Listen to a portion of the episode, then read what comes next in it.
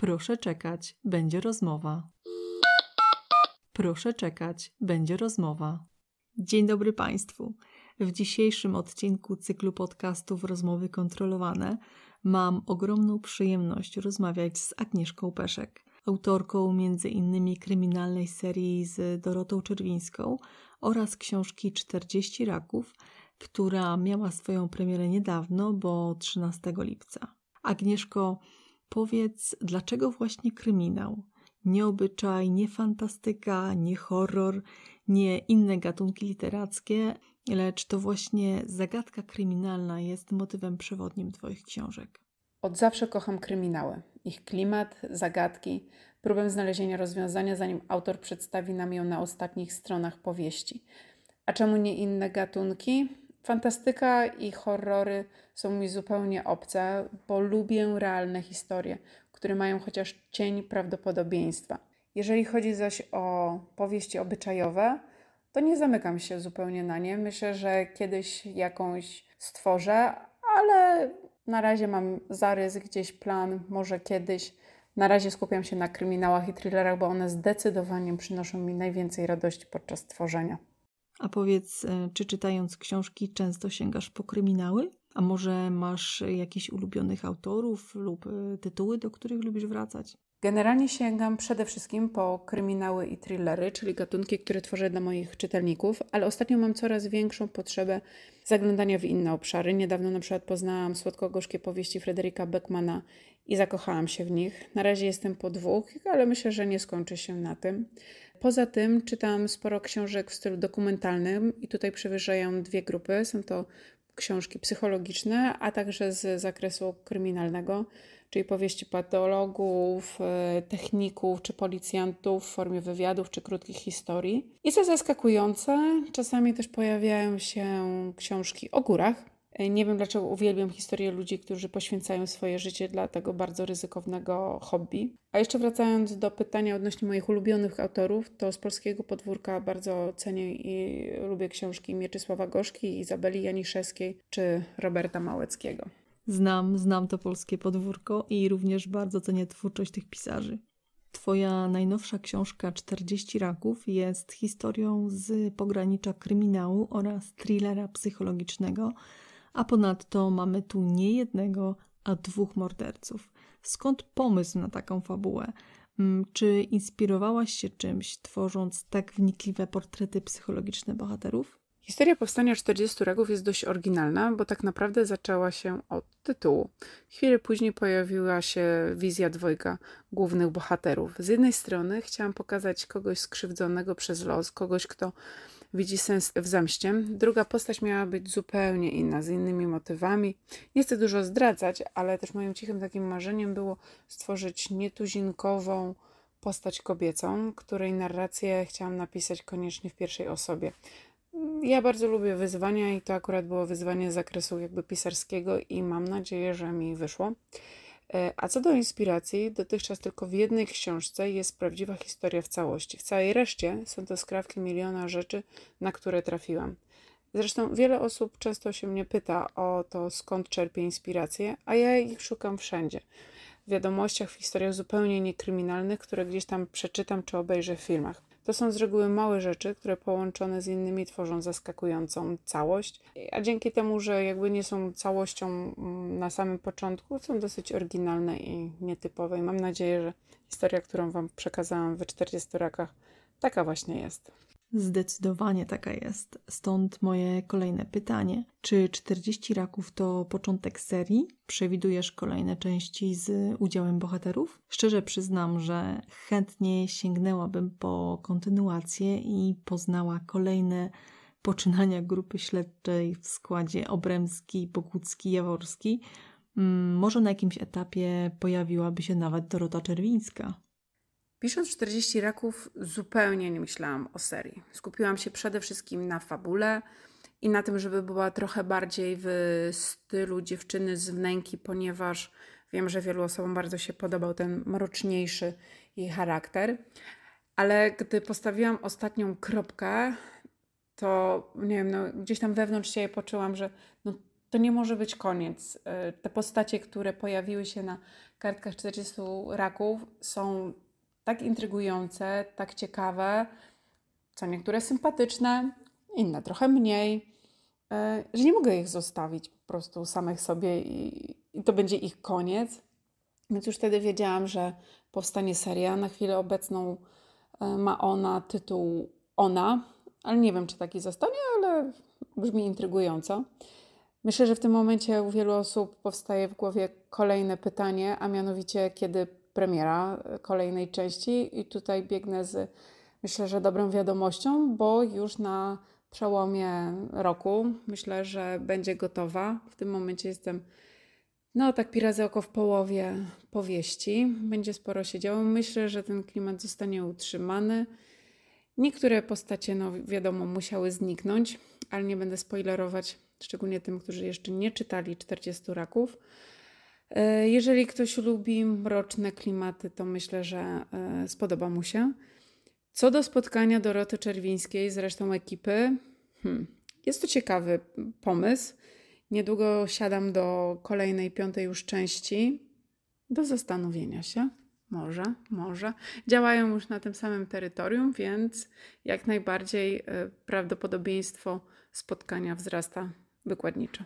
Może, może, czyli jest na to szansa. Myślę, że nie tylko mnie zaintryguje ta informacja. Zatrzymajmy się na chwilę przy postaci Doroty Czerwińskiej. Słuchaczom tylko podpowiem, że dotychczas ukazały się cztery części cyklu. Przez pomyłkę, dziewczyna z wnęki, iluzja doskonałości oraz zabawa w zabijanie. Jaka jest y, geneza powstania tej postaci? Mm, Agnieszko, czy od początku zakładałaś, że będzie to cała kryminalna seria? Zaczynając pisać przez pomyłkę, czyli moją debiutancką powieść, nie miałam w głowie żadnego planu. To był eksperyment w stylu czy dam radę, który podrzucił mi mój e, mąż, bo podczas wycieczki rowerowej po Suwalszczyźnie spytał, czy może bym coś napisało, skoro tyle czytam. Początkowo go wyśmiałam, ponieważ e, no, to tak nie idzie, że jeżeli ktoś nie wiem, ogląda sporo meczy piłki nożnej, nagle będzie jak e, Lewandowski.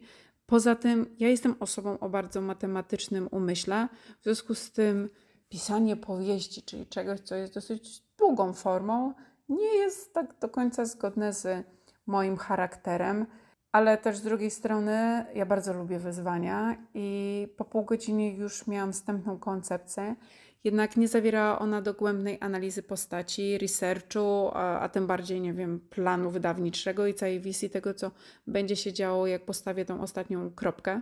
Wszystko było na spontanie. Wiem, że gdybym teraz się dorwała do przez pomyłkę i bym mogła pozmieniać, to dużo, dużo rzeczy by tam uległo zmianie.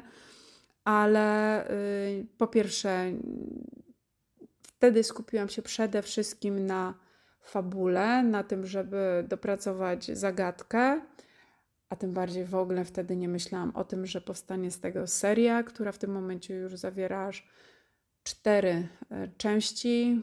Piąta ukaże się w przyszłym roku. Myślę, że na przełomie wiosny, lata, coś w tym stylu. Na razie w głowie się rodzą pierwsze wątki. Nie ukrywam, czeka Dorotę ciężki czas. Naprawdę? W takim razie już nie mogę doczekać się kolejnej części. Agnieszko, oprócz tego, że piszesz książki, sama je również wydajesz. Projektujesz okładki, robisz skład, ogarniasz całe zaplecze marketingowe, reklama, promocja itd. Tak oraz sprzedaż. Jak rozpoczęła się Twoja przygoda z byciem równocześnie pisarką i wydawcą? Czy była to zupełnie niezależna decyzja, czy stało się tak z konieczności? A może w grę wchodziła jakaś siła wyższa? Na wstępie małe sprostowanie. Nie projektuję okładek, nie robię też redakcji, korekty, ale całą resztą zajmuję się sama. A jeszcze jedna rzecz, okładki robi mój mąż. I z tego co wiem, wielu osobom się podoba, więc jakby coś, to piszcie, komentujcie zawsze okładki, bo on to lubi. Ale ci. Jeżeli zaś chodzi o aspekty marketingowo-sprzedażowe, o tyle mam ułatwioną sytuację, że ja z wykształcenia jestem, jak ja to zawsze mówię, panią od marketingu. I nie wybrałam tego kierunku, dlatego że nie wiedziałam na co pójść, ja po prostu lubię to. I w swoim życiu prowadziłam bardzo wiele różnych projektów, zupełnie ze sobą niezwiązanych, i na każdy zawsze patrzyłam przez pryzmat właśnie marketingu, tego jak to później opakować, jak to sprzedać. I mimo tego, że na samym początku, jak zaczęłam pisać, to ja zupełnie nie, jakby nie, nie patrzyłam w ten sposób, z tego względu, że ja w ogóle nie wiedziałam, czy mi się uda skończyć, tak? I czy to będzie w ogóle jakieś, jakieś miało ręce i nogi i sens. Ale gdy już wiedziałam, że zrobiłam coś, co jest dobre, tak? Bo też umówmy się, moja debiutancka powieść to, no to nie jest ta moja najlepsza powieść, dopiero jakby z czasem się rozwijałam, ale jak na debiut to uważam, że było całkiem nieźle. I jak już miałam ją skończoną, weszłam te redakcyjne różne ścieżki, ja zaczęłam również przygotowywać się pod kątem dystrybucji. Jak książkę już miałam gotową, to miałam podpisane umowy byłam przygotowana na to, że ja będę miała produkt, a nie tak jak bardzo często się zdarza, że ludzie coś robią i nagle mają super projekt, super produkt, ale nie wiedzą, co z tym zrobić. Aktualnie jestem w sytuacji, gdy pisanie to moje główne zajęcie nie tylko dlatego, że przynosi mi wiele radości, ale również realne przychody. Oczywiście chciałabym podpisać umowy z jakimś wydawnictwem, ponieważ czasami sprawy związane z niepisaniem tak bardzo mnie absorbują, że nie mam czasu na to, co mi sprawia najwięcej radości. Ale jeżeli nie znajdę nikogo, e, z kim poczuję magiczną więź, Będę wieść dalej życie samego, samotnego okrętu, które patrząc na przeróżne raporty, do których mam dostępy, idzie mi całkiem nieźle. Więc y, ja jako self-publisher czuję się z tym bardzo dobrze. Myślę, że w żaden sposób y, nie jest to związane z gorszą jakością tego, co robię, bo czytam też książki wydawane przez wydawnictwa i to te takie z najwyższej półki i na chwilę obecną, ja nie chcę się przechwalać, tak, ale jakby tutaj to, że ktoś wydał w wydawnictwie czy w self-publishingu, nie jest oznaką w ogóle jakości. W takim razie wyrazy uznania dla męża, bo okładki są naprawdę intrygujące i charakterystyczne, czyli na bardzo wysokim poziomie. A jak opisałabyś całą przebytą drogę od debiutu do właśnie wydanych 40 raków? Czy trzymanie w ręku gotowego egzemplarza najnowszej książki i przekazanie go w ręce czytelników jest y, tak samo ekscytujące jak w przypadku pierwszego tytułu? Pierwszą książkę wydałam dwa lata temu, a zaczęłam ją pisać trzy lata temu i mam wrażenie, że to było wieki, wieki temu. Zmieniło się dla mnie wszystko.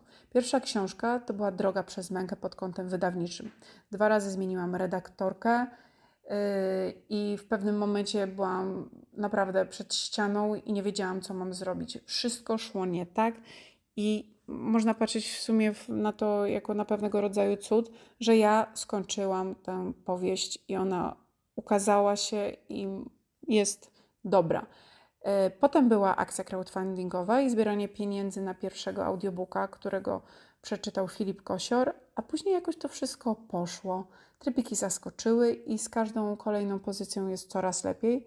W przypadku 40 raków to proces był chyba y, i zarówno mojego tworzenia, później redakcji, to był wręcz dla mnie idealny, był najszybszy, najprostszy. Y, może też z tego względu, że ja dokładnie wiedziałam, co ja chcę uzyskać, jakich, jakie emocje chcę wzbudzać w czytelnikach. I może też dlatego Napisałam tą książkę ekspresowo.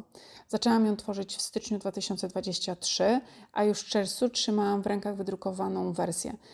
Ktoś pewnie powie: O, matko, tak szybko, następna poszła w ogóle w pisanie ekspresowe, ale jeżeli ktoś ją przeczyta i też przeczytał moje poprzednie książki, to nie będzie zawiedziony, ponieważ uważam, że ta książka jest zdecydowanie najlepsza, najlepiej dopracowana i dlatego też e, jakby przestałam oceniać książki pod kątem tego, kto ile tworzył, bo to nie ma znaczenia. Naprawdę, jeżeli ktoś siedzi dniami, nocami i, i pisze, może napisać coś super wartościowego, dobrej jakości, versus to, że ktoś będzie pisał przez 3 lata, bo wbrew pozorom, jak będzie to pisał przez 3 lata, to może 15 razy stracić wątek i w ogóle nie być w stanie go spiąć. Jeżeli chodzi o 40 raków, to też tutaj muszę wspomnieć o jednej osobie i będzie to mój mąż, który miał bardzo duży wpływ e, na tę powieść. Przede wszystkim w dwóch aspektach. Po pierwsze, to e, pod wpływem rozmów z nim stwierdziłam, że ponownie bym chciała gdzieś wejść w te bardziej mroczne klimaty, które już pojawiły się kiedyś w dziewczynie z wnęki I mój mąż też miał duży wpływ na dialogi policjantów, ponieważ w 40 rakach mamy dwóch policjantów. Znaczy w sumie tych policjantów jest więcej, ale dwóch takich głównych, którzy sobie często, gęsto rozmawiają i po pierwszym czytaniu mój mąż stwierdził, że no nie, policjanci tak rozmawiać nie mogą. Więc jak grzecznie wszystko poprzerabiałam. Wiem, że te dialogi Wam się spodobały i faktycznie doceniliście je za to, że nie są takie damskie. Jako osoba, która przeczytała zarówno 40 raku, jak i poprzednie Twoje książki, potwierdzam, że mm, książka jest świetna i tak jak mówisz, tak naprawdę nie ma znaczenia, jak długo była pisana, ponieważ efekt finalny naprawdę robi wrażenie. Mm, Agnieszko, a co najbardziej Cię motywuje do pisania kolejnych powieści? To chyba przede wszystkim recenzje, opinie, to, że bardzo wiele osób y, coraz częściej do mnie pisze wiadomości prywatne, wysyła maile, że to, co robię, im się podoba, że doceniają, że widzą też y, zmiany, które we mnie zachodzą, że piszę coraz lepiej, bo ja jestem w ogóle taką osobą, która bardzo, bardzo lubi się dokształcać, nie lubię stać w miejscu, lubię poznawać nowe rzeczy, dlatego ja cały czas czytam, szkolę się z zakresu zarówno pisania, jak i tam aspektów marketingowych. Nie lubię jakby bazować tylko na tym, co już wiem. Wydaje mi się, że bardzo dużo rzeczy już y, wiem, ale to nie jest proces zakończony. Ja lubię, jak ta droga dojścia do ideału, którego wiem, że nigdy nie dosięgnę, tak? Ale jak ona trwa, to pokonywanie go jej naprawdę jest dla mnie wielką, wielką przyjemnością i cieszę się, że właśnie czytelnicy, moi słuchacze dostrzegają to i piszą i bardzo, bardzo mnie to cieszy i właśnie to mnie motywuje do tego, żeby pisać dalej. Więc serdecznie za to dziękuję. E, piszcie recenzje, nawet jeżeli Wam się coś nie podoba, no to macie do tego pełne prawo, tak? Ja czytam przeróżne książki, czasami jest tak, że jest super wiele opinii na temat e, danej pozycji, że jest w ogóle wow, wow, później ona mi się nie podoba, tak? Yy, mam do tego pełne prawo, tak samo wy macie prawo do tego, żeby jakaś moja powieść albo wszystkie wręcz wam się nie podobały, ale fajnie jest, jak jakby mnie o tym poinformujecie, co konkretnie yy, tam wam nie zabanglało i co bym mogła poprawić, żeby było tylko lepiej. A jak wyglądają Twoje plany wydawnicze na najbliższy czas?